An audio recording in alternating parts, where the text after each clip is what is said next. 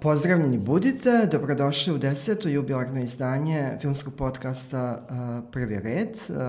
Ovo je Đorđe Bajić, ja sam Zoran Janković, znači pričat ćemo isključivo na filmske teme.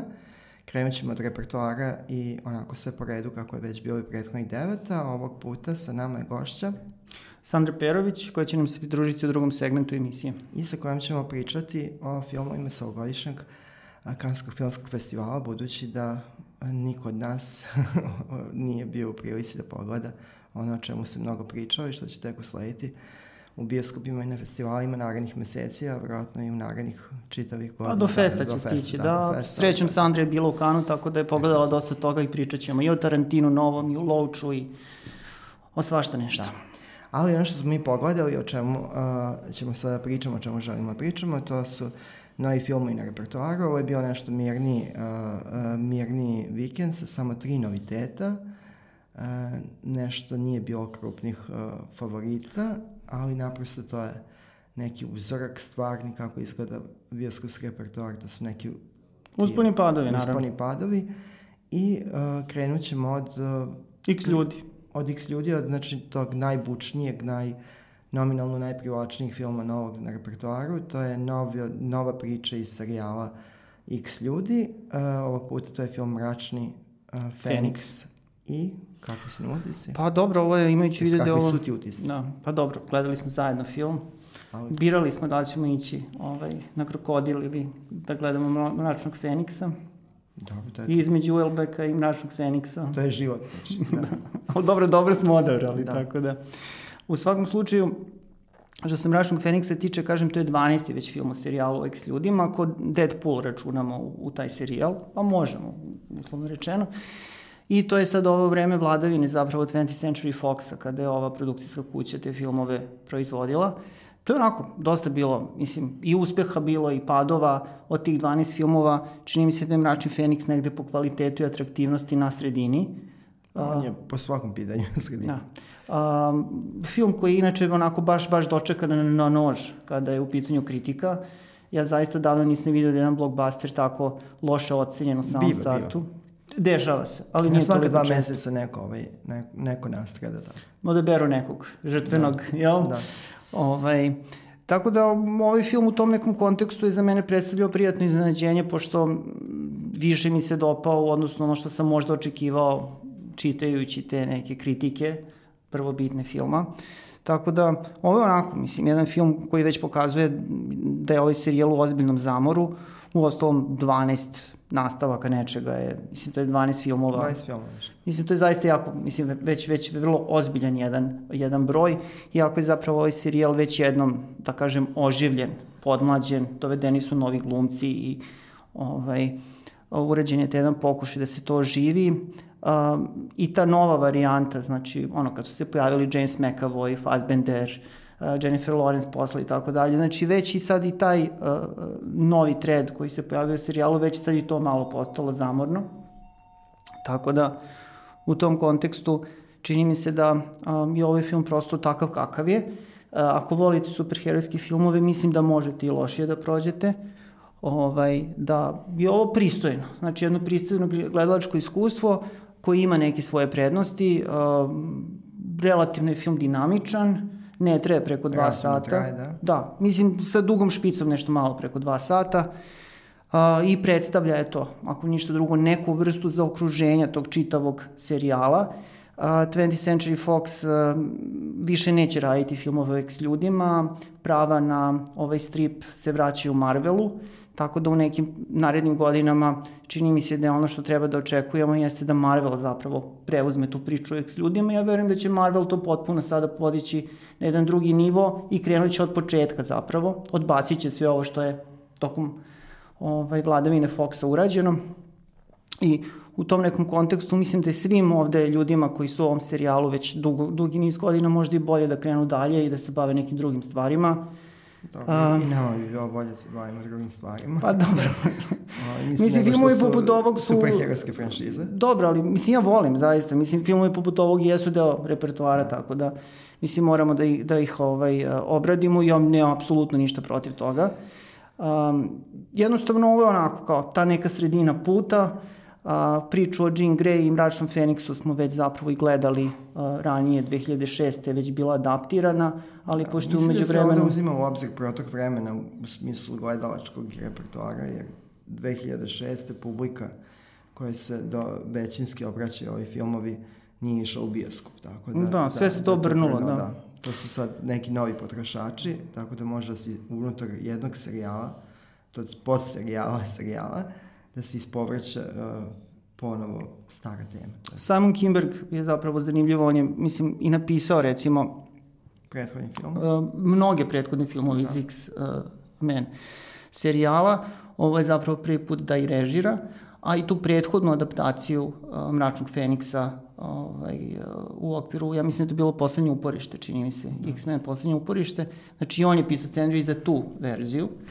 Tako da, zanimljivo da je to jedan scenarist ima priliku Da, da, mislim da zapravo... svoji filmovi generalno režiraju sami, da tu nije važno ko ih režirao. Važno je. Ovaj tehnički deo posla se Veoma je obavlja, važno. Da, ne. Pa važno je, mislim, do, do jednog nivoa određenog se ide, ali zaista mi je potreban neki vizioner koji će to podići na najviši nivo. Ostalom seća se kad je Matthew Vaughn preuzeo serijal kako je to izgledalo. Da, on je preuzeo serijal samo jednom tom, brzo se vratio na... Jednom, ali vredno, jel? To pričamo o filmu da, prva klasa. Prva klasa i to je meni a, najbolji film unutar a, X ljudi, daleko, daleko najbolji, uz Logana mi se najviše dopada u okviru te Foxove edicije. Ovo je srednjačenje po svakom a, pitanju, ovaj najnoviji film, da se pogledati, nije ga nužno pogledati ako niste ljubitelj superherojskih filmova Marvela i sličnog.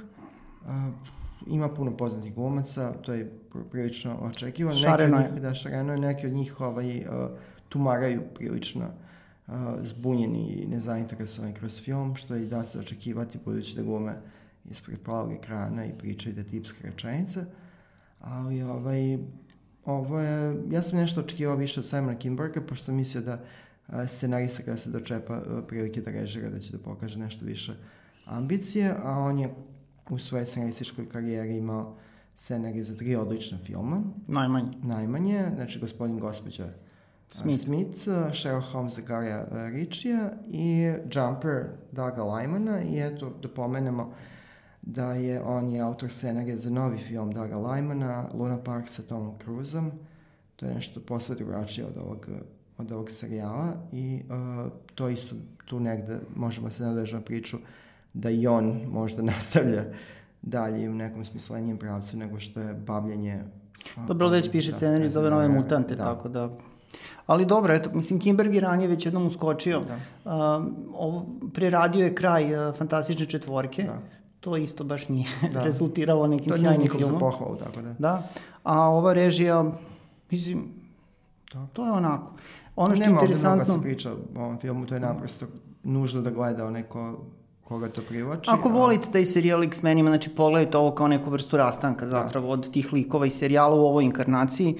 Ono što je još zanimljivo i tu možemo malo i da privedemo. Strana, da. Jeste, zapravo ceo taj treći čin ovog filma je zapravo ponovo snimljen zato što se ispostavilo da zapravo završnica Mračnog Feniksa previše liči na jedan drugi superherojski film koji izašao nešto pre toga. Tako da, mislim i da što i da ne kažem, u pitanju je kapetanica Marvel, Mada da. mislim da nije nikakvo iznenađenje, ti filmovi generalno liče jedni na druge, tako i to su slične dosetke, tako da ne Jeste, bi prilično moglo da bude da. nešto ovaj, prevratničko iznenađujuće, koja je to genijalna ideja koja bi mogla da se javi u okviru serijala, nema što kad on dođe do 12. na naslovu u, u, toj, u, u toj zbirci. Ali ono što je definitivno, mislim da Sophie Turner koja ovde glumi Jean Grey, to jest Mračnog Feniksa, da se neće baš Da, ne proslaviti kao da, da. leading lady. Da. Mada do duše, eto čak i Jess, Jessica Chastain koja je izvanredna glumica je ovde onako prilično pa ne mogu da kažem protraćena, ali onako jedna stereotipna uloga, Da, negativke je dodaljena. Da, to je to. Ali evo, tačka, ovo, ovo, ovo je bila preduga priča o filmu koji će biti na repertoaru i otići će i, ne, i nastavit će se u nekom drugom pravcu ta priča o Marvelovim superherojima. Drugi film je Tajna, Tajni životi kućnih eh, ljubimaca 2. Jeste. Ovde nema nešto posebno da se kaže, film je prilično duhovit, prilično šarmantan, animacija je izvanredna, ali eh, ono kada se podvuče crta, ovo je opet manje više osvežena, osvežena uh, priča iz prvog filma, znači vrti se to nešto već u drugom delu u krug. To se obično desi u poznijim nastavcima, ovde već u drugom. Dramatuški je malo čudan taj izbor da se junaci, a to je u srpskom filmu inače dosta često, u fizičkom smislu razdvoje i da onda priča deluje dosta raštorkano. To je ovde slučaj. Junaci idu na tri adrese i onda Priča se računa na tri dela da, i onda pratimo paralelno da, razvoj događaja. Što uh, možda jeste u skladu sa tim kako studijske glavešine doživljavaju raspon pažnje kod najmlađe publike koje se ovaj film prvenstveno obraća i to je onda sasvim potez u redu, ali malo uh, krnji ovaj, utisak kod starije publike ali prilično teško je uh, ovaj, pričati o kvalitetima ovog filma kada niste, kada ste onoga decenjima daleko od, od, uh, od tog starostnog uzrasta kome se obraća ovaj film. Ali jedan sam simpatičan, upotrebljiv, šarmantan, kratak, repertoarski animirani film koji zaista treba ispratiti uh, za one koji imaju tu potrebu i koji imaju decu ili koji naprosto vole... Ili koji imaju dete u sebi još uvijek. Da, dete u sebi i ovo je to. Ovde zaista ne bi bilo nešto puno da se priča. Film je sinhronizovan na srpski, ja mislim da i ne postoji ova verzija na engleskom. Da, mislim da nije u ponudi. Da, u ponudi srpskih bioskopa. Ono što je zanimljivo jeste da je Louis C.K. koji je pozajmio glas Psetancetu Maxu u prvom delu je sad dobio otkaz da. zbog ovog skandala. Dobro, nije dobio otkaz, nego nije angažovan ponovo. Nije ponovo da. angažovan, mada u suštini to se svodi otprilike da, na to. I Patton Oswald, koji je da. poznat komičar i poznat je kao ovaj čovek koji pozajmio glas, glas animiranom liku Happy u istoimenoj seriji.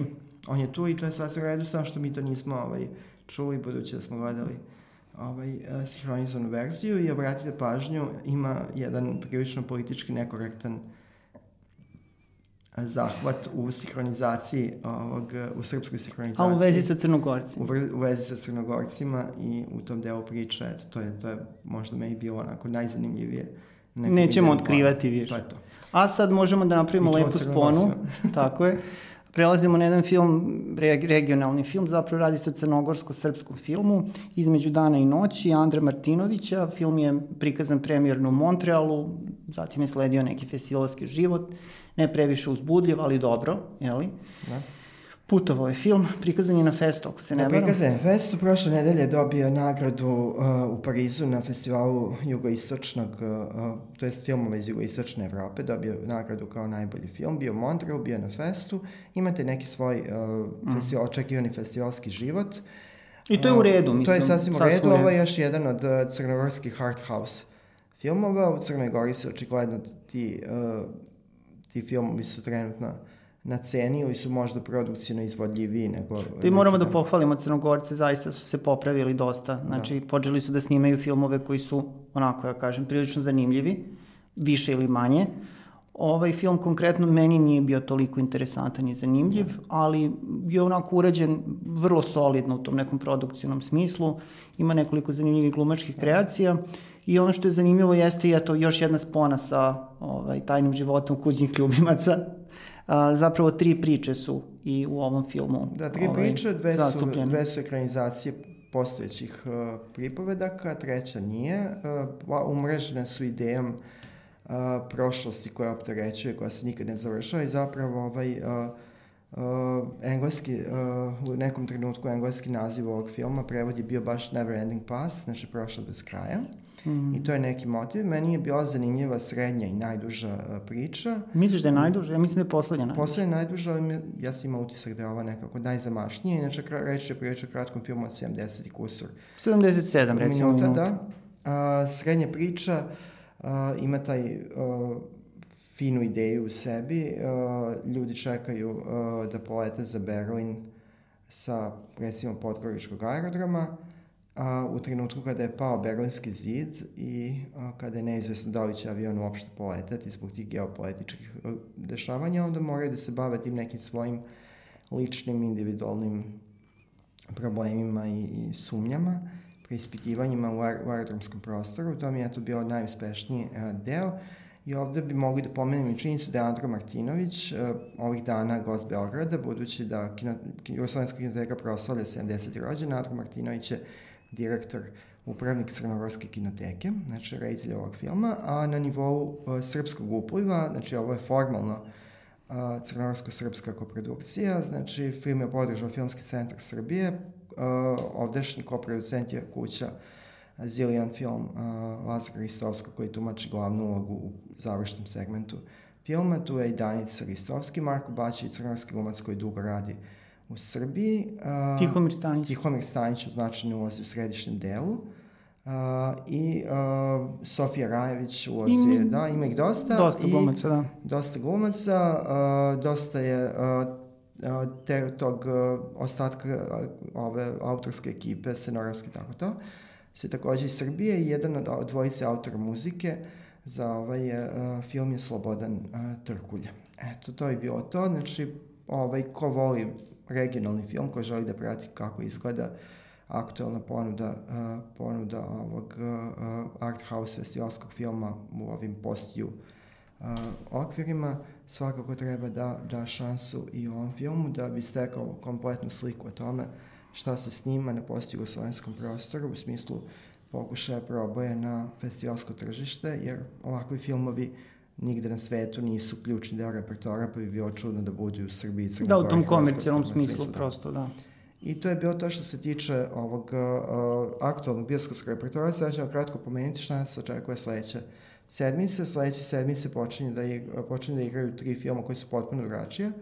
Yes. I uh, možda onako u komercijalnom smislu u tom pomenutom najviše se očekuje od filma Men in Black International. Da, ljudi u crnom novi, novi nastavak. Novi nastavak, to je novi početak za serijal. To je Kako to oni zovu? Soft reboot ili da, tako soft nešto? Soft reboot, da. mada je više ovo spin-off budući da uh, ima kopču sa prethodnim filmovima na nivou jednog lika. Ali su uglavnom ali, novi, no, da, podela je sveža, da. A, de, dešava se u tom istom univerzumu ljudi u crnom, podela je prilično privlačna, tu su Chris Hemsworth i Tessa Thompson, Josh Brolin. Ne sećam se da li je Josh Brolin Jeste. tu, ali ovaj, mislim Emma Thompson, na primjer, Emma jeste. Thompson, da. da. I ovo će biti zanimljivo. Ovaj, gledati trailer je prilično uh, sočno i zabavno i ja sam gener, onako, u nekom generalnom smislu veliki fan ovog serijala, naravno njegovih početnih, uh, uh, početnih uh, delova. A, drugi film je nešto što je tebi dosta blisko, a to da, je dobro, da. film Keva da. ili Ma. A, Tata Taylor, da, sa Octavium Spencer. Pričali smo već o tom filmu ranije, znači u pitanju je horror thriller, a, dosta onako skromno budžetiran i sasvim pristojnog tog nekog ovaj bioskopskog efekta da. u Americi, pa ćemo vidjeti, eto, prosto da. poglaćemo. Onako vuče malo na onaj thriller iz 90-ih. Da, 90-ih, to je generalno pravac u kojem Blumhouse kuća producentska no. U tom svom uh, bioskopskom uh, domenu ide, to je pravac tih uh, 90s psihotrillera. Da, skromno znači, da, budžetirani, da. i koji mogu dosta zapravo da zarade. Tako da mislim da bi da ovo, ovo inače već dobro prolazi u Americi, sasvim solidno dobro i pro, negde je u domenu tog zarade negde dolazi na nivo Blumhouse, uh, Happy, uh, Happy That Day to You, ima, Upgrade, ima dosta ima filmova, već da. dosta filmova tog tipa koji imaju te malo blagi retro šmek, naročito u idejnom pristupu. I ovo je zanimljivo da je reditelj filma Služavke i Devojka iz voza režira horror po uh, autoru, uh, po, po delu uh, autora scenarija za seriju Workaholics, to je prilično čudan ovaj spoj, imamo Oscar Octavio Spencer i dosta mladih, to bi moglo da bude zabavno, no. Mogu da bude zanimljivo za ljubitelja i pričat ćemo detaljnije. I e treći e sad, film. malo art house-a. Mislim, očigledno ono dva kao... Dva i jedan. To je jedan jeste, da. Ovaj, novi film Malgožate Šumovske, češke autorke. Poljske. Film, Poljske, izvinjavam Poljske. se. Izvinj, izvinjavam se Malgožati. Uh, Poljacima. Film, pa dobro, sad svima u, u da se ne zbegljavamo da. dalje, ok. U svakom slučaju, u pitanju je film koji je dosta dobro prošao u Berlinu i koji se zove Lice. Um, trailer je zanimljiv, mislim da je jasno da se radi o art house ugođaju, pa ćemo sesti to pogledati. Mislim, dosta onako, ako volite tu vrstu umetničkog filma, festivalskog filma, mislim da je ovo na top da. of the crop. Da, Šumovska je imala i kod nas tog zapažene festivalskog uspeha, njeni filmovi u ime Tri tačkice i uh, Telo. telo su bili prikazani uh, I dosta i ovde, zapaženi, da. I da. zapaženi i ovaj najnoviji faca zapravo i lice mag na engleskom. Njuška je možda... Njuška bi bio najbolji. Ali kad pogledamo da, film pričat ćemo. Pričat ćemo. To je kao deo tih uh, film, serijala njenih uh, sa filmovima sa kratkim naslovima. I to je to što se tiče ovog, što se tiče repertoara i budućeg repertoara u narednih 7 dana, kako stojimo sa box office-om? Pa što se tiče Amerike, očekuje se da u ovoj, sad u ovom vikendu pred nama, mislim, ova, ovaj podcast se u nedelju, tako da će se sada već u tom trenutku i znati da li su se prognoze obistinile. A, tajni život kućnih ljubimaca bi trebalo da bude prvi na listi sa preko 50 miliona dolara, a Mračni Feniks slabije, relativno dosta slabije, znači sa negde 39 miliona ovaj, u tom prvom mesto. vikendu. Na drugom mestu, mada kritike su stvarno toliko loše da je moguće da će biti manje od toga. Film je koštu 200 miliona ukupno, tako da ja verujem da će on, ono, kad se sve sabere, kao Tako da biće na negativnom, je, jeste, biće na toj pozitivnoj nuli nekoj, kako se to kaže, ali neki veliki hit teško da sad možemo očekivati. U krajnjoj liniji ne bi ni bilo u redu, imajući vidu da. kakav je film. A što se tiče o, našeg, našeg ovaj, Aha. što se tiče, ba, što se tiče američke liste, ovo ispod toga su sve već filmovi koji da, su to. Da, to su ono, Aladdin, Godzilla i Rocketman. Da, tako da, ovaj, zanimljivo da se Rocketman, nažalost, dosta slabo otvorio u Srbiji. On je recimo na 7. 8. mestu to je baš onako razočaravajuće, pošto je stvarno u pitanju odličan film, mi smo ga pohvalili prošle nedelje i eto, još jednom prosto apelujemo na ljude da odu i pogledaju ovaj musical. Dok je na repertoaru, budući da je ovo baš prava mera moj bioskop. Jeste, prava moj mera bioskop, odličan je zaista film i ako volite musicale, čak ne morate ni da volite Eltona Johna, čini mi se, nije neophodno, ovaj, dopašće vam se ovaj film. Da. A što se tiče same liste, na petom mestu je Pokemon Detective Pikachu, pristojan hit u Srbiji, ali ne sad spektakularan. Prevaranti na četvrtom koji su kod Oni nas da, koji kod nas prolaze bolje nego u Americi recimo. John Wick 3 je na trećem mestu, Godzilla 2 na drugom, kako se poklopilo to. Da. I na prvom mestu je Ladin i dalje. Tako da, da pretpostavljam da će se ove nedelje I to da pomenemo da je i dalje uh, na repertoaru, to je onako najpostojaniji naslov, Hotel Mumbai, koji sa malo projekcija dosta dobro prolazi, tako da je to dokaz da ako ljudima date uh, film koji se obraća odrasloj publici, a pritom je dobar, dovoljna i usmena preporuka i nešto malo projekcija da ima, da se dođe do zaista dobrog bioskopskog rezultata, ali naglašavamo u srpskom kontekstu i u nekim našim razmerama.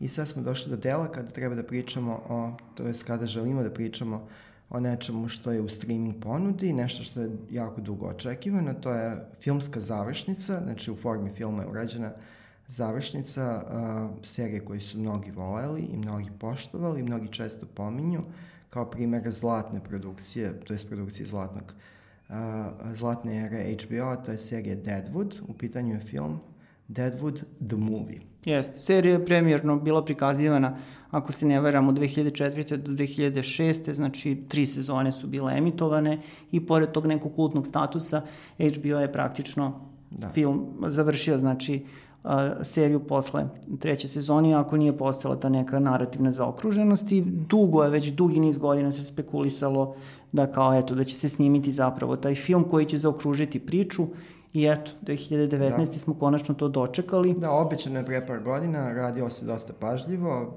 to je i očigledno kad se film pogleda, to je dosta dobar western. Mislim, dvosatni od Dvosatni, da. nešto manje od dva sata traje. Mogao bi da, da parira i westernima koji se rade za bioskop, znači nije kameran uh, u toj meri, zanimljiv i dinamičan. Uh, za poštovatelje serije važno je pomenuti da su svi važni tu, Film je režirao uh, Daniel Minahan, uh, Minahan koji je uh, radio i nekoliko epizoda u unutar uh, tog probitnog serijskog života Deadwooda. David Milch, kreator i scenarista, je uradio scenaristički deo posla i ovde i ekipa je, osim onih koji naravno nisu više nisu, sa nama, nisu više sa nama ili oni koji su od, prerasli uloge, uh, pa i ne mogu da budu tu. Uh, Uh, oni su svi tu, tu je Timothy Oliphant, Molly Parker, Kim Dickens, znači Ian McShane, da ne napravimo dalje, William Sanderson, Brad Tako je volao seriju, on zna već. Uh, znači, svi važni, uh, svi važni akteri su tu, priča se nastavlja kako je najavljeno 10 godina, eto to je nešto malo kraće. Da, i čisto da kažemo da ako niste da. gledali, ako niste gledali ovaj uh, seriju, nemojte gledati film prvo. Da. Znači, Ili prvo pogledajte seriju, pa onda gledajte je. film. Što je sad, mislim, naravno, preko HBO da, i moguće. Da, ovde je primenjen ovaj, jedino razumna uh, stvar, primenjen taj pristup je izabran da se serija obraća već postojećoj publici, postojećim obožavalcima, znači i nema nekog neke prenaglašavanja u smislu prepričavanje i podsjećanje na radnju, nego nadovezuje se Pomalo na ima nekih da. spona, ali zaista to neko predznanje mislim da... da je nužno i, Da, i ne znam pojačava bi, užitak, Da, I ne da. znam ni kako bi izgledao da je drugačije, da su sada ovi morali da pre, predstavljaju svet Deadwooda iz početka, jer je to a, prilično zamašno i serija je onako bila, znači tri sezone jednosadnih epizoda, to je... a, Je li po deset bilo, jes? Da, po deset, u tom periodu je to išlo u toj meri. Uh, I mislim da sva, nema, ne, da teško ima poštovati seriju koji će biti razočaran ovim filmom koji je zaista uh, sasvim na mestu. Ja sam imao asocijaciju na Tombstone Georgia Pana uh, Kosmatusa, što je eto veliki kompliment, to je veliki film. I ovo je trenutno najbolje na uh, ponudi uh, iz domena westerna. Western je, kao što znamo, jedini autohtoni američki filmski žanr i u tom, u tom smislu najbolje kad ga rade Amerikanci. Boga mi i italijani. Do, nekad. Dobro, toliko za, prvo, za prvi deo emisije. E pa super, idemo sada malo u kan. E, Sa nama je-. Pa dobro, mislim, ajde zamislit ćemo da smo u kanu, tu nam je Sandra, tako da Sandra dobrodošla. Hvala vam na pozivu u vaš prvi red. Čestitam na jednoj zaista ozbiljnoj, dobro utemeljenoj, postavljenoj i koncipiranoj emisiji e, s potpisom mojih dragih, pa mogu da kažem saradnika Možeš, možeš. i kolega Đorđe Bajića i Zorana Jankovića, Hvala. koji su negde od početka emisije Velika iluzija praktično deo specijalizovanog programa posvećenog pokretnim slikama na RTS-u, ali mi je jako drago da uh, Mondo ima ovako jednu ozbiljnu priču o filmovima. I to od strane ljudi za koje znam da gledaju filmove, da promišljaju o njima ozbiljno i da nisu od onih, nazovimo kvazi kritičara koji ne gledaju filmove, a vole da ih komentarišu. A dobro, da, ima nas svakakvih da kažem, ali ako ništa drugo, bar Zoran i ja filmove gledamo, to je, Pošteno. To je To pošteno. znam. Sandra, ovaj, uh, kako se gledaju filmovi u Kanu? Kako izgleda taj proces filmova, uh, gledanja filma na Kanskom filmskom festivalu? Ne u Kanu, nego na Kanskom filmskom festivalu. Je, citirat ću grupu Idoli, ona radi u Rudniku i život joj nije lak. Naravno da kad se vratite sa festivala kao što je Kanski, prvo pitanje koje vam postave kolegi, kako si se provela? Provela sam se tako što ustajem svako jutro u sedam, idem na projekcije od pola devet, to traje negde do jedan i onda naravno ide red filmova, red intervjua, slanja izveštaja za informativne emisije koje imaju u svojim programima i deo posvećen kulturi i naravno prikupljanje materijala poput kratice za emisiju, ne samo onu posvećenu Kanu, već i redovnu veliku iluziju koja se emituje tokom godine. Da, ali ti pripremiš dosta priloga zapravo tokom kana koje kasnije... Upravo to, kažem, Prikazuješ. kao kratica skladištim i po potrebi vadim iz fioki. Je li teško gledati filmove onda u tim uslovima kada ima to Jeste, dešava se, pa ne, dešava se jedna Zbog zanimljiva... koncentracije, zbog svega. Apsolutno, apsolutno, dešavalo mi se čak i da dva puta moram da pogledam film, jer prespavate 15-20 minuta, ne svojom voljom, nego jednostavno organizam ne može da izdrži. Dešava se čak na tim jutarnjim projekcijama od pola devet da čujete samo e, kolege kako hrču u dvorani, ovaj, kao neki To- to drugi ljudski, da, kanal, da, da. drugi kanal koji prati onaj osnovni Da. filmski i to onako vrlo zanimljivo. Dešava se i meni da spavam. A infrastrukturno... Pa se samo trgnem, padne glava, trgnem se. Dobro, možda neki filmi dobijaju na, ovaj, na kvalitetu. Naravno. Ali kako izgleda infrastrukturno? Je to organizovano dobro? Je li- To je besprekorno organizovano. Eto, ove godine su čak uveli, da kažem, prvi red, uslovno rečeno, privilegovanih novinara. Od 4000 nas 200 je samo dobilo specijalne e, specijalan dodatak akreditacijama da možemo da gledamo u sali Bazan e, filmove pre svih. Jer je Kanski festival prošle godine uveo novinarske projekcije koje su podrazumevale da gledate film pre zvanične publike Pre svetske na premijere. zvaničnoj To projekciji, i tako je, u teatru Limijer. Međutim, e, pošto su neki objavljivali kritike koje su izlazile pre premijera, rešili su da to ukinu, tako da su novinari od prošle godine zajedno praktično sa publikom gledali filmove, naravno u drugim dvoranama, ali u isto vreme. Međutim, Paralelno, ove da. godine nas 200 je dobilo tu privilegiju da može ranije da gleda filmove, s tim da postoji embargo koji morate da potpišete, Da. da nećete do završetka svečane projekcije zvanične išta objaviti bilo u medijima, bilo na društvenim mrežama ili dati bilo kakav komentar u koji može isto, da da. se pročita, da se šeruje i tako dalje. To je sasvim u redu i na mesto, da. I kako izgledao kan ove godine u smislu ponude, pošto je to uvijek pitanje, Da, pitanje e, u, nagrade, kako, da li su pravične, ali pitanje ko, kako izgleda selekcija. Što se izgleda- tiče selekcije, po meni je to bila, a pogledala sam skoro svih 21 film je bio u konkurenciji za Zlatnu palmu, skoro sve filmove sam pogledala. Mogu da kažem da je ovo jedna od najboljih selekcija u poslednjih možda pet godina od strane Thierry Efremoa načinjena i naravno njegovih saradnika.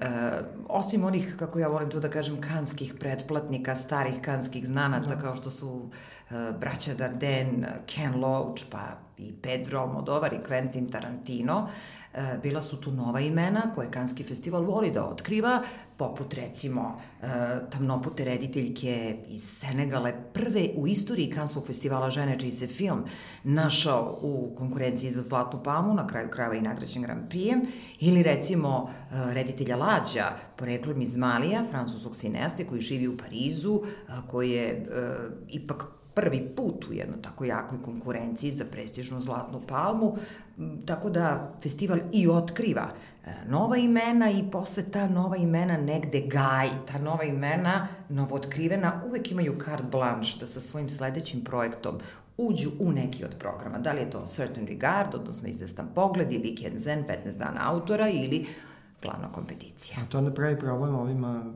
koji bi sa strane došli, mislim ovi doma prije došli koji već nisu bili, ako se, ako se Pa, to su neka nepisana pravila, ali utemeljena dosta čvrsto. Recimo, ove godine smo imali odvojenje samo jedan film, odnosno jedno mesto za čitavu istočnu Evropu. Ja, to je baš malo, jeste. To je Corneliju Poromboju, e, je bio jedini predstavnik i to u istočnoevropske trenutku kad kinematografije. u istočnoj Evropi se snima više. Apsolutno. Tako da to su neke stvari koje možda većina kritičara zamera eh, Kanskom festivalu, ali jednostavno može im se. Mm, Da, veliki su i možda. Veliki su i može im se i definitivno su najnadmoćniji uh, u odnosu i na konkurenciju u Berlinu i konkurenciju u Veneciji. Hajde da malo da se sad pozabavimo kanskim pobednikom. Uh, naravno, uvek taj film koji pobedi, koji dobije Zlatnu palmu i privuče najviše pažnje to je sasvim u redu. Ja bih pohvalila Alejandra Gonzalez Injaritua, e, meksičkog reditelja Oskarovca, omiljenog među ne samo filmofilima, već i publikom, koji je zaista pokazao da je jedan objektivan i beskompromisan čovek, kao i članovi njegovog žirija, e, koje je predvodio. E, Sama rečenica na dodeli nagrada da e, film mora da pokuša da podigne globalnu društvenu svest, negde je i opravdala sve nagrade koje su dodelili. A da je beskompromisan, upravo potvrđuje ovo što smo svi očekivali, da će Quentin Tarantino dobiti Zlatnu palmu drugu u karijeri, nakon one 95. sa Pulp Fictionom, ili Pedro Almodovar koji je napravio testamentarni film, njegovo 21. delo je zaista testamentarno, jer reč je o, on kaže, poluautobiografskom, ja bih rekla, autobiografskom filmu, svi su očekivali da će e, žiri ići na prvu loptu i da će pobediti oni koji bi trebalo da pobede. Dakle, Pedro, kome je ovo, kome je ovo ja mislim, poslednja šansa da dobije Zlatnu palmu bila. On već ima 70 godina. Da, to se On zaboravlja više često. nije u da. cvetu mladosti.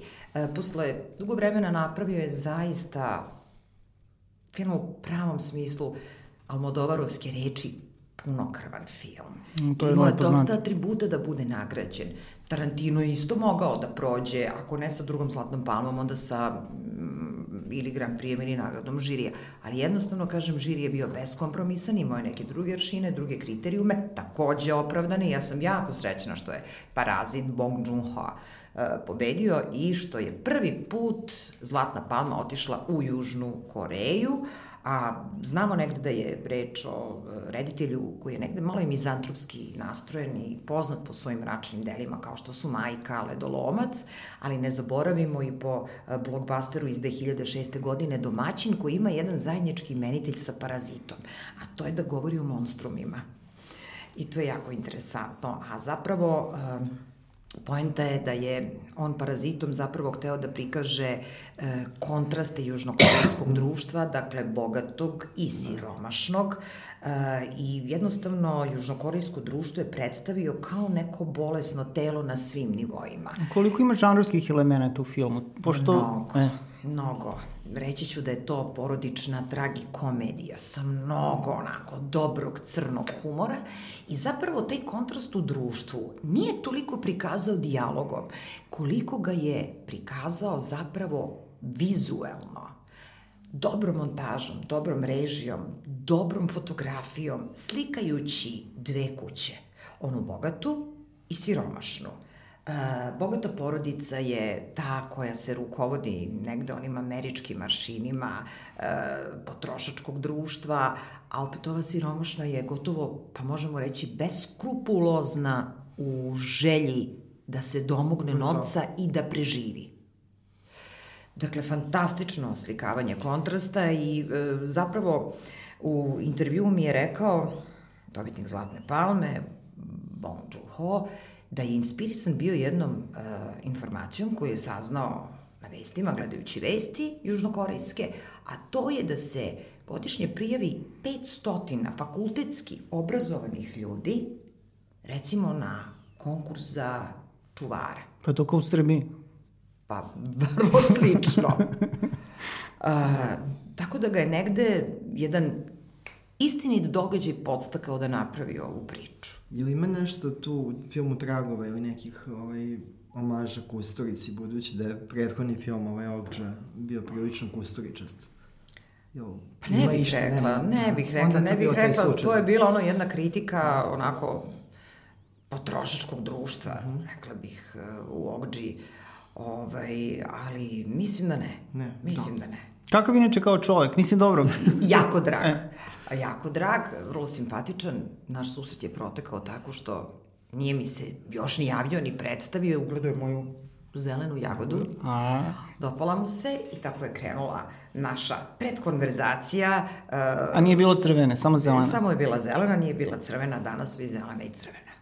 Dobro. U prvom redu. Divno. A Tarantino? Tarantino. Evo ako film traje 2 sata i 40 minuta, Quentin Tarantino inače sve novinare, uopšte ljude, publiku koji su pogledali film zamolio da ne otkrivaju mnogo toga javnosti o samom sadržaju filma, da jednostavno ne bi pokvarili taj užitak koji smo mi zaista doživeli u Kanu. Ali vidim, piše se dosta i po portalima i A nisu ga poslušali. I nisu ga poslušali i pokvarili su gledalcima taj switch glavni koji se desi negde na polovini filma, odnosno kada se pojavi Telop Six Months Later. Zapravo, rekla bih da je Tarantinov film bilo jednom u Hollywoodu nekako podeljen na dva dela. Prvih možda 45 minuta, ako ne i sat, je zaista njegovo jedno emotivno ljubavno pismo Hollywoodu s kasnih 60-ih i početka 70-ih godina, gde on i dalje kao dete negde, e, koje, ili mladić, dečko koji radi u video klubu, sa puno ljubavi i empatije govori o američkom westernu, o akcijnim filmovima 60-ih i 70-ih godina, B produkcije, o e, kriminalističkim serijama toga vremena i ratnim serijama, jer e, Leonardo DiCaprio zapravo i glumi televizijsku zvezdu tih pomenutih mhm. serija, čija karijera u jednom trenutku polako kreće nizlaznom linijom. Um, dakle, previše možda u tom prvom delu filma te posvete Hollywoodu, tako da tu u jednom trenutku vas čak možda i zamori i dolazite u iskušenje da izađete napolje. To, to je problem sa većinom njegovih filmova, ta citatnost. Upravo, preterao je. Osim uh, Korbučija, talijanskog reditelja, čim je da. opusom opsednut i te posvete njemu, znači on zaista ovaj, na neki način pre, preteruje u tim citatima. Ovaj, I tu negde, uslovno rečeno, umori gledalca i vi poželite stvarno na trenutku da se pokupite i da izađete napolje, ali naravno, pošto je to Tarantino, pošto je to njegov deveti film u karijeri, pošto eto imate priliku ekskluzivno da ga pogledate pre svih, naravno, savest vam i profesionalnost, profesionalizam negde ne dozvoljavaju da izađete napolje. Međutim, onda kažem, pojavi se taj telop six months later, kada Leonardo DiCaprio sa svojim e, dublerom, kaskaderom, vozačem, negde i bodyguardom e, koga tumači Brad Pitt, sede u avion i odlazi za Rim. E, od tog trenutka kreće onaj pravi Tarantino koji vas razgali stoprocentno, koji vam udahne jednu neverovatnu energiju i gde počnete da uživate u bukvalno svakoj replici, svakom kadru i svakom novom liku koji se pojavi. Kako se Margot Robbie pokazala u filmu? Fantastična. Ona glumi Sharon Tate. Ona glumi Sharon Tate, pojavljuje se čak i Roman Polanski u filmu, um, njen suprug, uh, jer oni su zapravo prve komšije Leonarda DiCapria. Eto, sad sam odala, zgodno, da. odala jednu malu tajnu iz filma, oni su prve komšije, gde mm, i nema neke komunikacije između njih. E, prosto e, Polanski je zaljubljen u svoju ženu, on se provodi sa njom, Ako ne bi se kabrioletom, apsolutno žive jedan pravi hollywoodski život. A Leonardo je sa svojim dublerom onako prilično usamljen, e, dubler mu je sve i prijatelj i komšija i rođak, jednostavno najbliži saradnik i najbliža osoba u njegovom okruženju. Ali ono što je nevrovatno jeste da su i Leonardo DiCaprio i Brad Pitt dali svoj maksimum. Ja mislim da su ovo njihove uloge života. I čak sam imala utisak da je postojala i neka, uslovno rečeno, kompeticija, takmičenje između njih ko će biti bolji. Ja ću samo reći da su fantastični, apsolutno, i Brad Pitt i Leonardo DiCaprio. Kako izgledaju šanse Tarantinovog filma, mislim, ajde nije dobio, nije pobedio u Kanu, već i na filmu ne pobedio u Kanu, to je u redu, ali jel prepoznaješ to kao komercijalni potencijal, da, da bi ovo moglo da se dopadne? I? Oskarovski, da li postoji? Oskarovski, da, to sigurno, ali Pošto ovaj film, eto, da bioskopski kažemo, nisam, izlazi u nisam sigurna sezoni, zbog da. tog prvog dela filma koji je problematičan, taj citatni deo filma. To Koliko je to? Sat vremena Pa otprilike? otprilike između 45 minuta i otprilike 60 sat vremena. Ovaj, sat vremena sigurno. I, i, tu je Dobro, prilično opet- ugušio film. Opet ostaje sat i po krtine, jel? Kako da ne? Da. A ka, negde u vezi uh, sa tima i ovim što se pomenuo u nekom od ranjih odgovora, da li se tokom Kanskog filmskog festivala, evo, u Kanu, ajde, recimo i u Berlinu, ali evo da se zražujemo Kan, budući da je on u bolje, uh, u bolje godišnje doba, da li se izlazi dosta sa filmova? I Apsolutno. kako ljudi reaguju? I da li se zviždi na Da filmu? li se zviždi, Da. da, li ima... Ne zviždi se tokom projekcije, zviždi se na kraju, znači kada krene odjevna špica. Znači, bez problema se- Kritičari ili aplaudiraju ili zvižde, masovno se izlazi sa filmova, nekoliko primera je bilo, e, recimo izlazili su sa filma Wernera Herzoga, što je meni bilo onako prilično zbunjujuće, jer se meni njegov film Family Romance, porodična romansa, jako dopao. E, Werner Herzog e, ispisuje možda neke od najvećih priča e, na našoj planeti. Mene je ova posebno dotakla, sad skačem sa teme na Da, temu, da. Neka, neka. ali evo nekako kada, kada, kada, kada je Zoran spomenuo to zviždanje, izlaženje, e, negodovali su neki kritičari, dosta su napuštali tu projekciju, kaže, meni se dopalo, ne zato što sam radila intervju sa Wernerom Herzogom i što sam morala da pogledam film, nego mi se priča dopala koja je To istinita. je priča o tuđenju, jel? Apsolutno, o tuđenju, o samoći, a kako, a, a kako u stvari? E, On je e, čuo za jedan japanski fenomen, a to je postojanje agencija koje se bave iznajmljivanjem majke, oca, brata, sestre, komšije, najboljeg prijatelja, najboljih prijatelja, društva. I zapravo kroz priču o samohranoj majci i njenoj devojčici, gde majka zapravo svojoj 16-godišnjoj devojčici hoće da napravi plezir da to dete ima šansu da upozna svoga oca i iznajmljuje oca iz agencije koji se pojavljuje i kaže ja sam tvoj tata, ja sam jako rano se rastao tvoje mame, imam drugu porodicu, zato ne mogu da te zovem da dođeš kod nas kući. Uh, I dete počinje da se vezuje za njega, neverovatno, i da jednostavno veruje to da je to njen otac.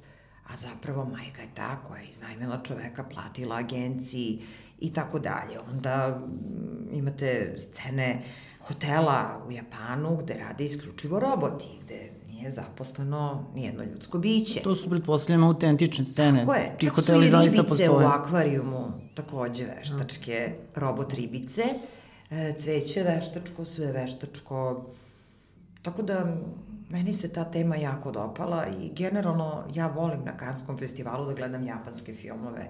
E, inspirišu me i mahom su to dobre priče, utemeljene na realnim stvarima, realnim događanjima, realnim činjenicama. A šta još, o čemu ćemo još da pričamo? Pa mogli bi malo da pretresemo, ovaj sad ne znam, nismo tačno... Brazilski film Bakurao, jel mogu ja da nametnem temu, molim vas? Vrlo kontroverzan film. Vidim da je izazvao baš pravu senzaciju i onako da je prodrmao sve koji su ga pogledali. Ja sam mislila da će to biti Zlatna palma, iskreno da budem dok nisam videla Parazita. Ovaj, ali sasvim zasluženo, brazilski film Bacurau dobio je Grand Prix žirija, e, koji je dodeljen, e, pardon, ne Grand Prix, nagradu žirija. Grand Prix je dobila... Atlantik, da. E, tako je dobio film Atlantik, rediteljke Mati Diap, malo pre pomenute da, prve crne da. žene iz Senegala. No, vratimo se na Bacurau, dakle, laureata ex equo sa filmom Miserable, odnosno Jadnici, Luilađa. E, neverovatno, to je jedan vrlo zanimljiv hibrid socijalno angažovane drame, e, misterije, e, trilera, jedna distopijska priča kao, na primjer, brazilske igre, igre gladi ili pobesnani Max, recimo. To zvuči baš dobro. Zvuči jako dobro i kada budete pogledali film, da. pošto je otkupljen, e, distributorska kuća Discovery, ga je otkupila i naravno u Srbiji će to biti MCF Megacom film, što raduje, znači film će biti ili na festu ili na festivalu autorskog filma, treća adrese, no. pretpostavljam, nema za sada, ali bitno je da će publika u Srbiji... Samo da dočekamo Simu i to. Dočekat ćete mo, da će moći da ga vidi, uh, Udo Kier, naravno, da, da. vaš i moj ljubimac, i Sonja Braga, Uvek draga. Uvek draga, među mnogim protagonistima ovog filma. Dakle, o čemu se radi?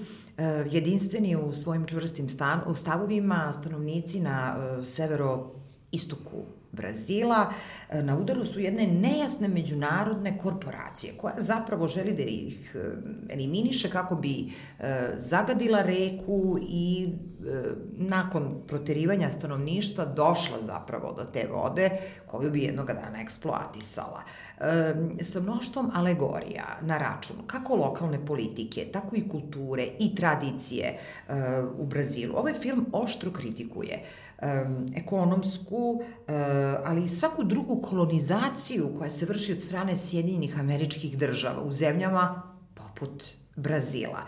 E, I naravno kulminacija je susret sa paravojnom grupom američkih plaćenika koji podmite lokalnog političara koji se kandiduje za gradonačelnika e, da imaju mogućnost da se igraju e, lova na ljude. I tu kreće nemilosrdno ubijanje žitelja te male komune, odnosno tog sela koje se zove Bakurao, što u prevodu znači noćna ptica. A, međutim, interesantno je da se e, pretežno ubijaju oni koji su tamnije puti. Znači, američki suprematisti, akcentuju tamnije. Sigurno, sigurno. Da. Apsolutno, apsolutno. Dobro, onda pretpostavljam e, da možemo pretpostaviti. Šta je zanimljivo? I ta priča je, e, kako mi je otkrio uh, reditelj Filjo, uh, u intervju bazirana na istinitom događaju, odnosno inspirisana, negde podstaknuta, velo verovali ili ne. Rio de Janeiro je, kao što znate, jedan od najvrovatnije najvećih gradova na svetu i trenutno guverner Rio de Janeira, koji je i dalje na vlasti, obožava oružje. Do te mere da sa posebnim policijskim odredom uzima helikopter, stavlja mačo na očare kao Tom Cruise, kreće da nadleće favele i svojim snajperistima, znači ima pravo zakonski da kada vidi, kada posumnja da neko na zemlji ima oružje, on može svojim snajperistima da kaže pucajte, ubite ih. I on to radi. Ubija ljude. Sasvim legitimno. Bože Ta broj. istinita priča je podstakla rediteljski dvojac iz Brazila, da napravi ovaj fenomenalan film i da zaista pomakne negde granice i kinematografije i filmskog pripovedanja, priča i tako dalje. Morat ćemo da pogledamo što pre. Morate. Sve ćemo gledati. Da. Apsolutno, ovo, Samo ovo je, da- ovo je... Čekamo ovo je, naravno ovo je veliki delo. ekran. Remek delo, remek delo, zaista. A kakav je bio film koji je otvorio kan? Ken Loach, A, ne Jim mogu Jarmusch, da... se zaboravim. Jim Jarmusch. Jim Jarmusch. Umalo da zaboravim Jima Jarmusha. Uh, vidim, kritičari su ga poprilično ovaj, iskritikovali i negde bili ljuti i besni što je jedan zombi film otvorio prestižni kanski festival, ali mene taj film jako zabavio. Uh, naime, uh, Bill Murray, Adam Driver, Tilda Swinton, Steve Buscemi, Iggy Pop, zaista su me nekako Selena uveselili uh, u ovoj priči koja je metafora masovne zapravo kulture uh, u kojoj ljudi ne misle svojom glavom. Uh, kada mrtvi ustanu iz grobova, jedino što žele jeste da imaju ono što su voleli za života. Znači, mobilne telefone, razne gadžete, slatkiše i samo im je Kafu. to... Kafu, To je u redu. bravo, kafu, to ime. Živeli? Cheers. Odlično ste skuvali, svaka čast. Ovaj, I to je jedna satira zapravo na petparačku potrošačku kulturu. A kakva je razmera komedije i horora? A, više ima komedije nego horora, jer vi se konstantno smejete, znači od početka do kraja filma, znači tu su stalno neki citati e, koji vas nasmeju, poput onih iz Psiha, iz Ratova zvezda, jer je tu Adam Driver koji sam nosi privezak Star Wars, on glumi policajca, ima privezak Star Wars u ruci od kola, e, zatim mnoštvo alegorija na e, kraj sveta i mnoštvo citata iz noći živih mrtvaca Georgea Romera. Ali sam Jim Jarmusch eh, je rekao da ipak eh, su mu bliže priče o vampirima nego priče uh, o zombijima i zapravo on je insistirao u tome da ljudi nemaju svest u ovom filmu, da je humor veliki deo filma i ovaj, ispunjen šalama i komičnim stvarima, jer bez toga, kaže, teško ostati živ. I u svakodnevnom životu, pa eto i u filmu. Znači, ajde da se još malo vratim na Almodovara, to je baš, uh, mislim, i krupno ime i krupno Jeste. naslov. I nagrađen film u Kanu, Antonio Banderas je dobio nagradu za najbolju mušku ulogu. Pa Jeste. kakav je Antonio? Imala sam prilike s njim da razgovaram pre par godina, 2011. čini mi se, ali ovo je sad jedan potpuno drugačiji Antonio Banderas, koji je i sam rekao da je ubio i da je morao da ubije do skorašnjeg Antonija Banderasa da bi mogao da uđe praktično u lik i delo Pedra Almodovara, jer on tumači alter ego velikog španskog reditelja. Nije loš Almodovar odabrao onda za sebe, a? On ga je i otkrio, i njega i Penelope tako je, Cruz. tako je. To Ja, su mu imao je u okviru tog svog uh, glumačkog Dream Tima, imao i neki koji više liče na, na njega, tako da lepo, lepo se dosetio. Ovaj, Čak i vizualno ovaj, se trudio da Antonio podsjeća na njega. Frizura, garderoba, način hoda, neverovatno. Znači, film ti se dopao i mimo toga što je Jako. ostao zakinut za nagradu. Plakala sam. Plakao, da. Plakali smo. Dobro, Plakaćemo, je- da. Almodovar to ume. Almodovar ume, Ume. da Ovoga napravi melodramu vrhunsku, Ovaj zaista. film se zove Boli slava, ali ja bih dala jedan onako podnaslov. Sve o Almodovaru. da. 21. testamentarni, kao što rekao smo, poluautobiografski ili kako god autobiografski film je otoplio kritičarska srca, pa i moje, a od publike doživa ovacije. E, to je jedno katarzično delo o detinstvu, o otkrivanju seksualnosti, o njegovoj majici koja je ključna figura u njegovom životu, a to je i posvedočio film sve o moje majici za koju je 99. dobio nagradu za režiju u Kanu. To je film o kulturnoj sceni Madrida 80. godina koju je on gradio. To je film o pokretnim slikama. Uh, I divno je i kako su Penelope i Antonio podržali svog reditelja koji ih je stvorio. Sa puno ljubavi. Vidi se da su prosto izgoreli u tom filmu koliko su želeli da budu dobri i da učine sve ono što je Almodovar od, od njih tražio. Od međutim, eto, glumačkih imena, ili ima još nekih favorita Almodovarovih u filmu? Mislim da Cecilia Roth glumi, čini mi se. Aha, Selja. Celia Roth, da. Ona da, ali više niko od ovih, da kažem, omiljenih i poznatih. Bila je Rossi de Palma na premijeri, bila je na crvenom tepihu, ali nije joj, nije joj, nije joj dao, nije joj dao ulogu. Njegova majka, što nam on otkriva, je bila nadničarka, koju glumi Penelope. I majka je dobro prošla onda. Majka je odlično prošla. Teško je radila, borila se da to njeno dete preživi, da se školuje. Petr je bio jako pametan, talentovan. On je kao mali sa 9, 10, 11 godina držao časove nekim potpuno nepismenim majstorima, radnicima, gde je zapravo i otkrio svoju seksualnost. E, u stvari, Sa koliko godina?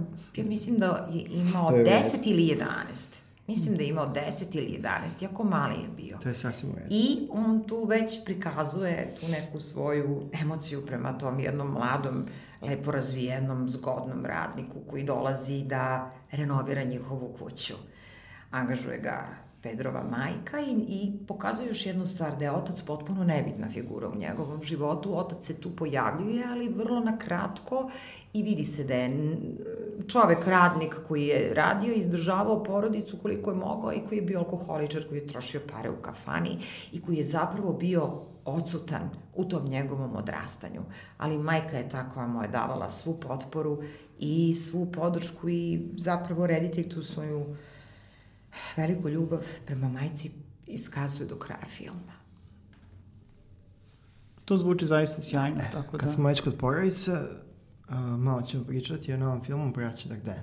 Da, možemo da pričamo apsolutno ovaj, i o braći Darden, koja zapravo, ja volim da kažem, uh, e da, nismo rekli još jednu stvar, Pedro nam je ovim filmom otkrio da je konzumirao heroin, da je Mogli smo pretpostaviti. hipohondar i da boluje od mnogo bolesti, od okuštavanja e, vratnih pršljenova, kič, e, vrat, vratne kičme, e, autoimunih bolesti, ali on taj heroin počinje da konzumira već u poznim godinama, ne zbog užitka, već zbog bolova. No, to su... Ne introvenozno, ne introvenozno, već... e, Da.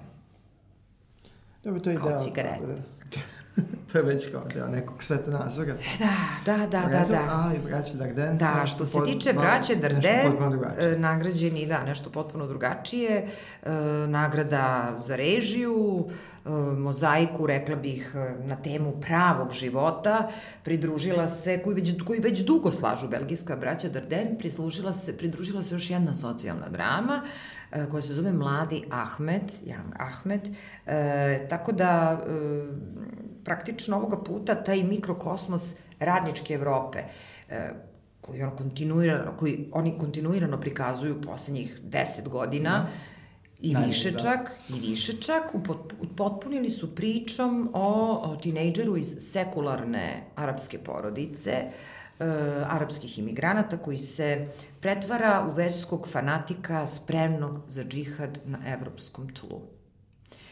I ja stalno imam uh, osjećaj i utisak da braća Darden snimaju jedan film praktično koji se završi na jednom kanskom festivalu, pa onda prođe godinu dana ili dve godinu dana, pa taj isti film se nastavi, samo što se ide znači u susedstvo. Ide se u drugu kuću, u drugu porodicu, ali to je bukvalno sve u jednom kvartu, rekla bih. Da.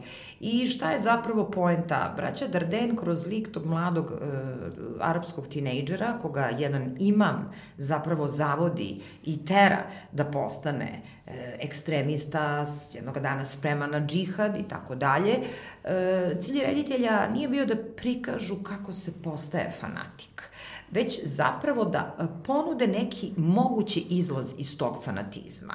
Odnosno, oni e, se jesu ozbiljno bavili verskim fanatizmom, ali taj verski fanatizam nisu opravdavali ekonomskim i socijalnim uzrocima što je jako zanimljivo. A što se obično radi? Što se obično radi? Ne, oni su upravo ovde hteli da pokažu, ok, kada se desi to, šta belgijsko društvo može da učini da predupredi eventualnu nesreću. Eksploziju bombe, konkretno, glavni junak ovog filma želi da ubije svoju nastavnicu. Znači, dete od 12-13 godina ima nož i želi da ubije svoju nastavnicu. Jer je njemu imam rekao da to tako treba. Dalje neću da pričam, pokvarit ću priču.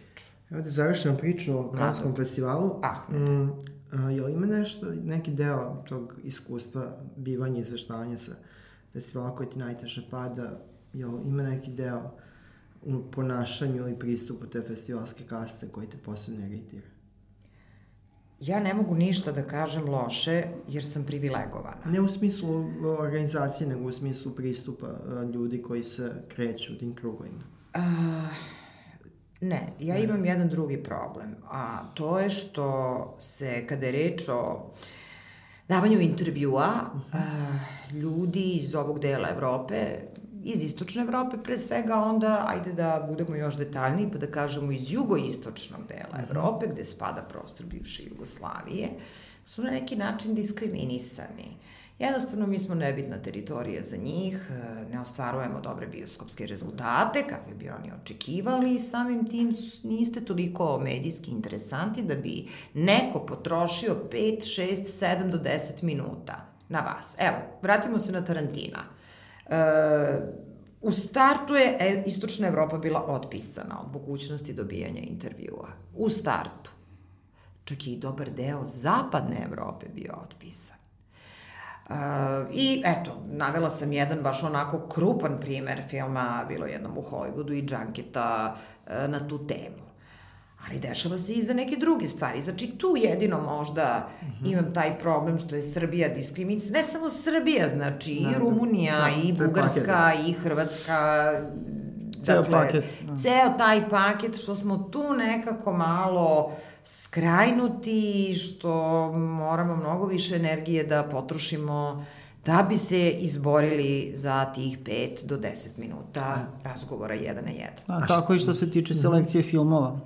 U suštini jako slabo da, Šta bi moglo da, šta bi moglo da bude urađeno pa da neki srpski film uđe u, u glavni Da nađemo uticaj, najde sad ću da govorim iz ugla člana Upravnog odbora Filmskog centra Srbije.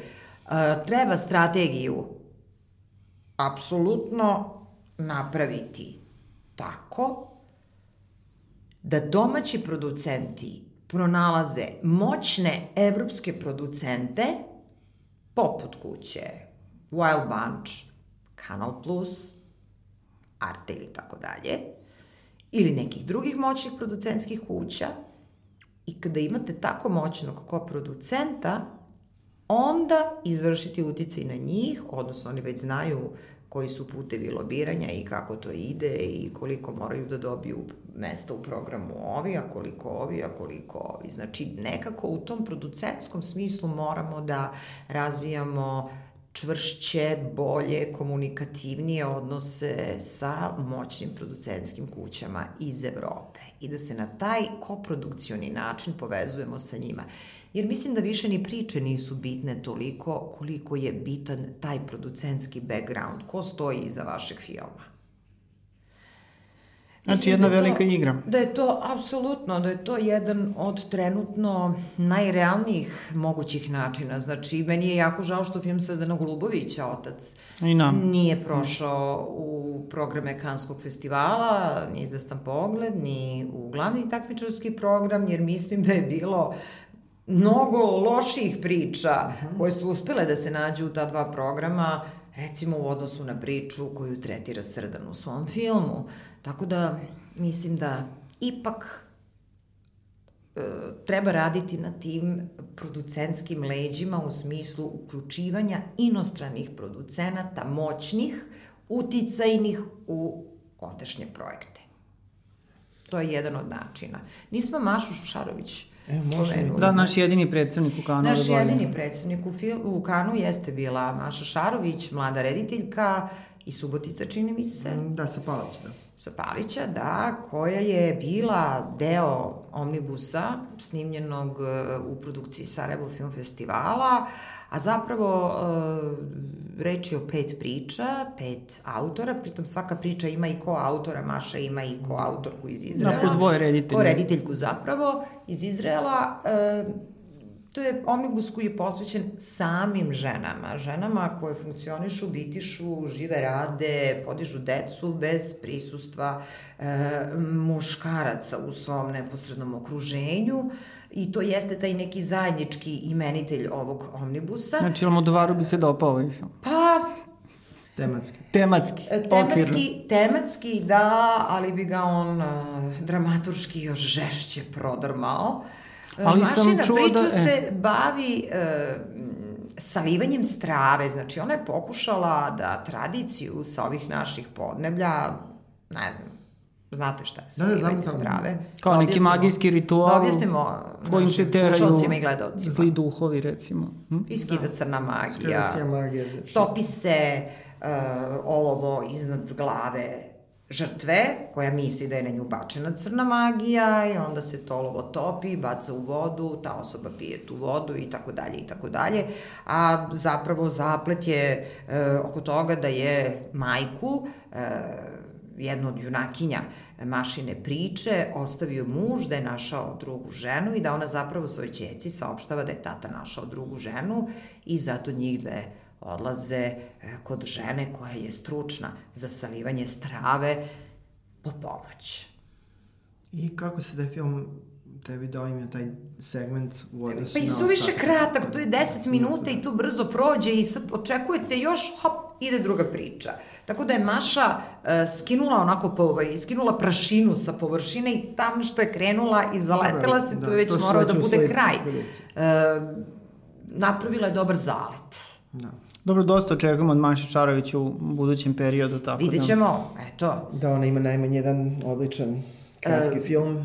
Kratki da, film, pa onda jednog dana dugometražni. Da, da. Sad Filmski centar Srbije ima i konkurs za debitanski film. Tako je, to je ovo, ove godine dobro. prvi put raspisan. To smo prvi put ove godine ustanovili upravo iz razloga da mladi ljudi, isključivo, znači samo mladim ljudi mogu da apliciraju i da sigurno neko od tih mladih može da dobije finansijsku podršku i da snimi film. Pa dobro, nominalno mogu i stariji ako im je prvi film. ako su debitanti. Ako su debitanti, ako to ima... Ali dobar je izbor ovog puta, vrlo zanimljivi su neki projekti odabrani, Milice Filipovski, Uh, mislim, ima tu dosta. Četiri, no, četiri filma su čak kada, izabrane. Vidjet ćemo kada budu filmovi gotovi, do tada film nećemo... Ipak, film je ipak celina. Naravno, Slažem naravno. se sa Zoranom. Ali taj, uh, da kažem, podstrek Finansijski filmskog centra Srbije je užasno bitan. Jeste. bez toga ne može, Jeste. ne može da se uradi ništa. Ili jako teško to može da se uradi. Jeste, ali stvarno mora, moraju i autori da povedu računa. Moraju da prate malo svetske trendove. Moraju da gledaju filmove. E, kada to kažem, ne u smislu copy-pastovanja, ali ipak da vide šta je to što prolazi na velikim festivalima, e, koji tip priča, e, kao i ono što sam rekla, znači da se povezuju preko ovdašnjih srpskih producenata sa nekim uticajnim, moćnim ljudima iz evropske produkcije i svetske. Držimo im fige. Ajde da vidimo što imamo od vesti. Uh, ovaj, ići ćemo da ovo dosta brzo. Pominjali smo Tarantina. Tarantino je uh, objavljeno da je Tarantino uh, uh, unajmio, i to je prilično zanimljivo, Jar, uh, Jaroda Carmichaela, tamno putog uh, stand-up i televizijskog komičara, da napiše scenario uh, za uh, novi film koji bi bio susret Djanga i Zora.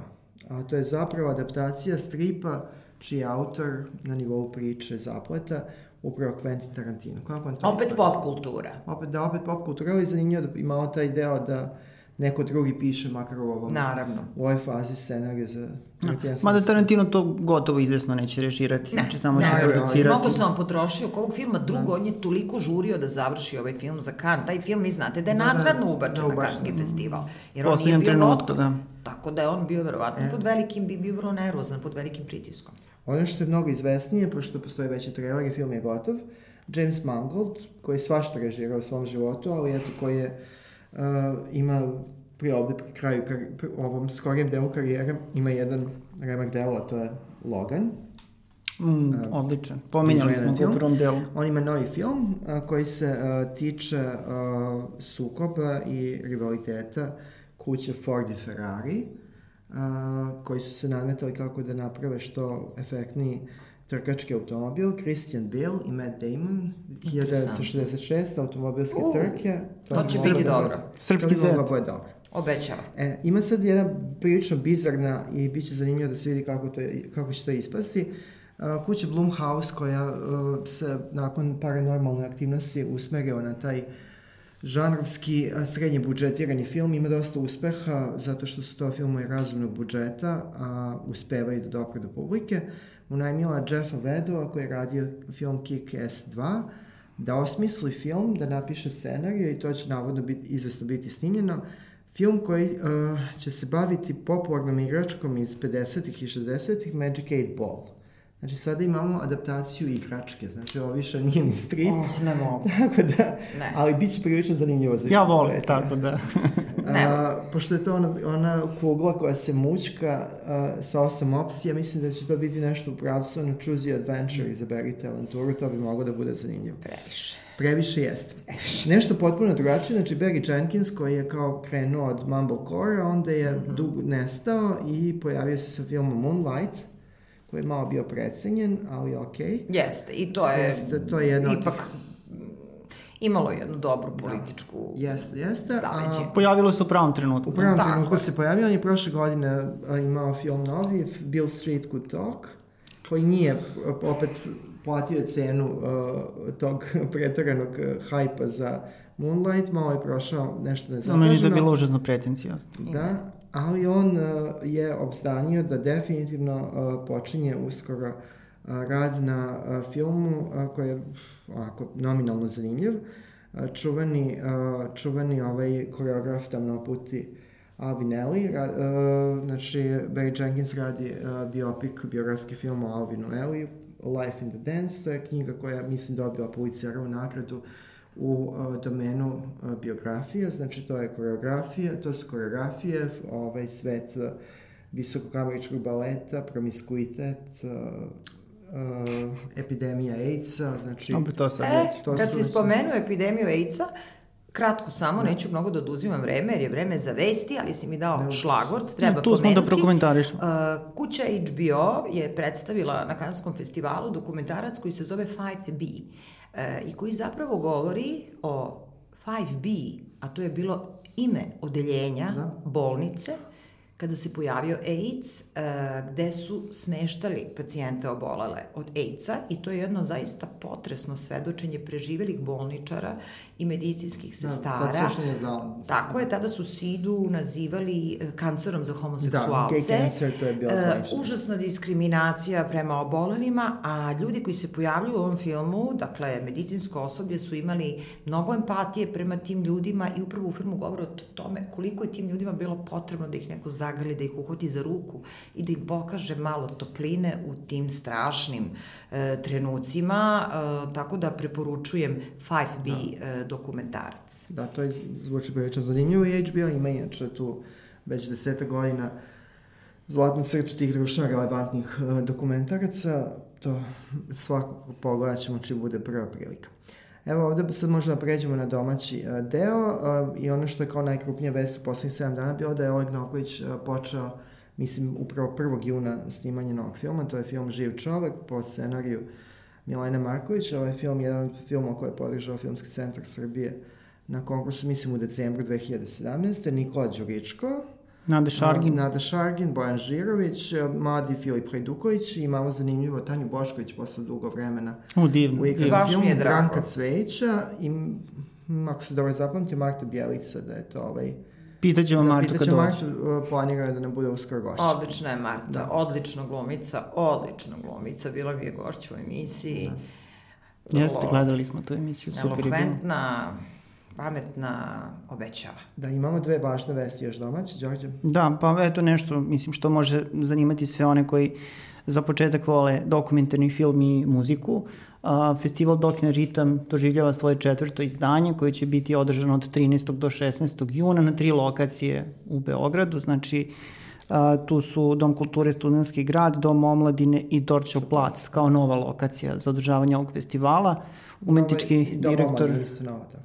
Uh, da, jeste, dakle. pravo si, tako je. Uh, tako da umetnička direktorka Sandra Rančić je tu svašta nešto pripremila. To je njen fah to je baš, baš njen fah, on je onako rock novinar u yes, pravom smislu yes, te reči. Ona, ona žena poznaje zaista tu oblast i ima apsolutno pravo da tako nešto i organizuje. Zanimljivo je da sa prethodnog izdanja festivala na onom profesionalnom industrijskom delu jedan od projekata koji je predstavljeno kam, Rock Campus za devojčice, devojčice rokaju, dokumentarni film Mina tako Petrović, je. on je prošao se na konkursu PCSA, tako da, da je za, to jedan da. od filmova koji će izvesno biti napravljen. Tako je. I što se tiče sadržaja, e, posetite svakako njihov uh, sajt uh, www.dokinritam.com, mislim tu su sve informacije, oko 9 dugometražnih ili 10 čak dugometražnih filmova će biti prikazano. Samo da kažemo kad? Od, od... od 13. do 16. Od da. 16. Od 13. do 16. Ono što je zanimljivo jeste da će film o Vladi Divljanu Nebeska tema zatvoriti festival. Divno. Tako da, eto, ako niste pogledali taj film do sada, da, ako ste propustili da se ovo je... To je divno isto uh, u amfiteatru uh, Doma kulture znači na otvorenom. A to će da. biti onda poseban ugođaj. Pravi ugođaj. Da. Definitivno. Jer u filmu ima dosta mora, da. leta. I, I dokumentaricu PJ Harvey će biti. Da. To moramo da odemo da pogledamo, to, to zvuči baš, mm, baš za Berlinala. Da, da sa Berlinala. I uh, još jedna premijera, ili bolje da kažem predpremijera, uh, A, Momir Milošević, reditelj koga smo mi zavolali gledajući njegov film Otvorena, njegov dugometražni film, je pripremio nešto novo. U pitanju je kratki metar, film od 23 minuta, ali svakako zavređuje pažnju. U petak 14. juna će biti predpremijera tog filma u DKC-u. Dvorani kulturnog centra U dvorani kulturnog centra Beograda sa početkom u 19 časova. Budite tačni, ulaz je slobodan. U pitanju je jedan film koji Ne zna se puno o njemu, reditelj to onako malo sad sakriva, priprema neke iznenađenja i šokove, film je horror tematike i jedna od uloga, i kažu vrlo upečatljiva i zanimljiva uloga je poverena Slobodanu Beštiću.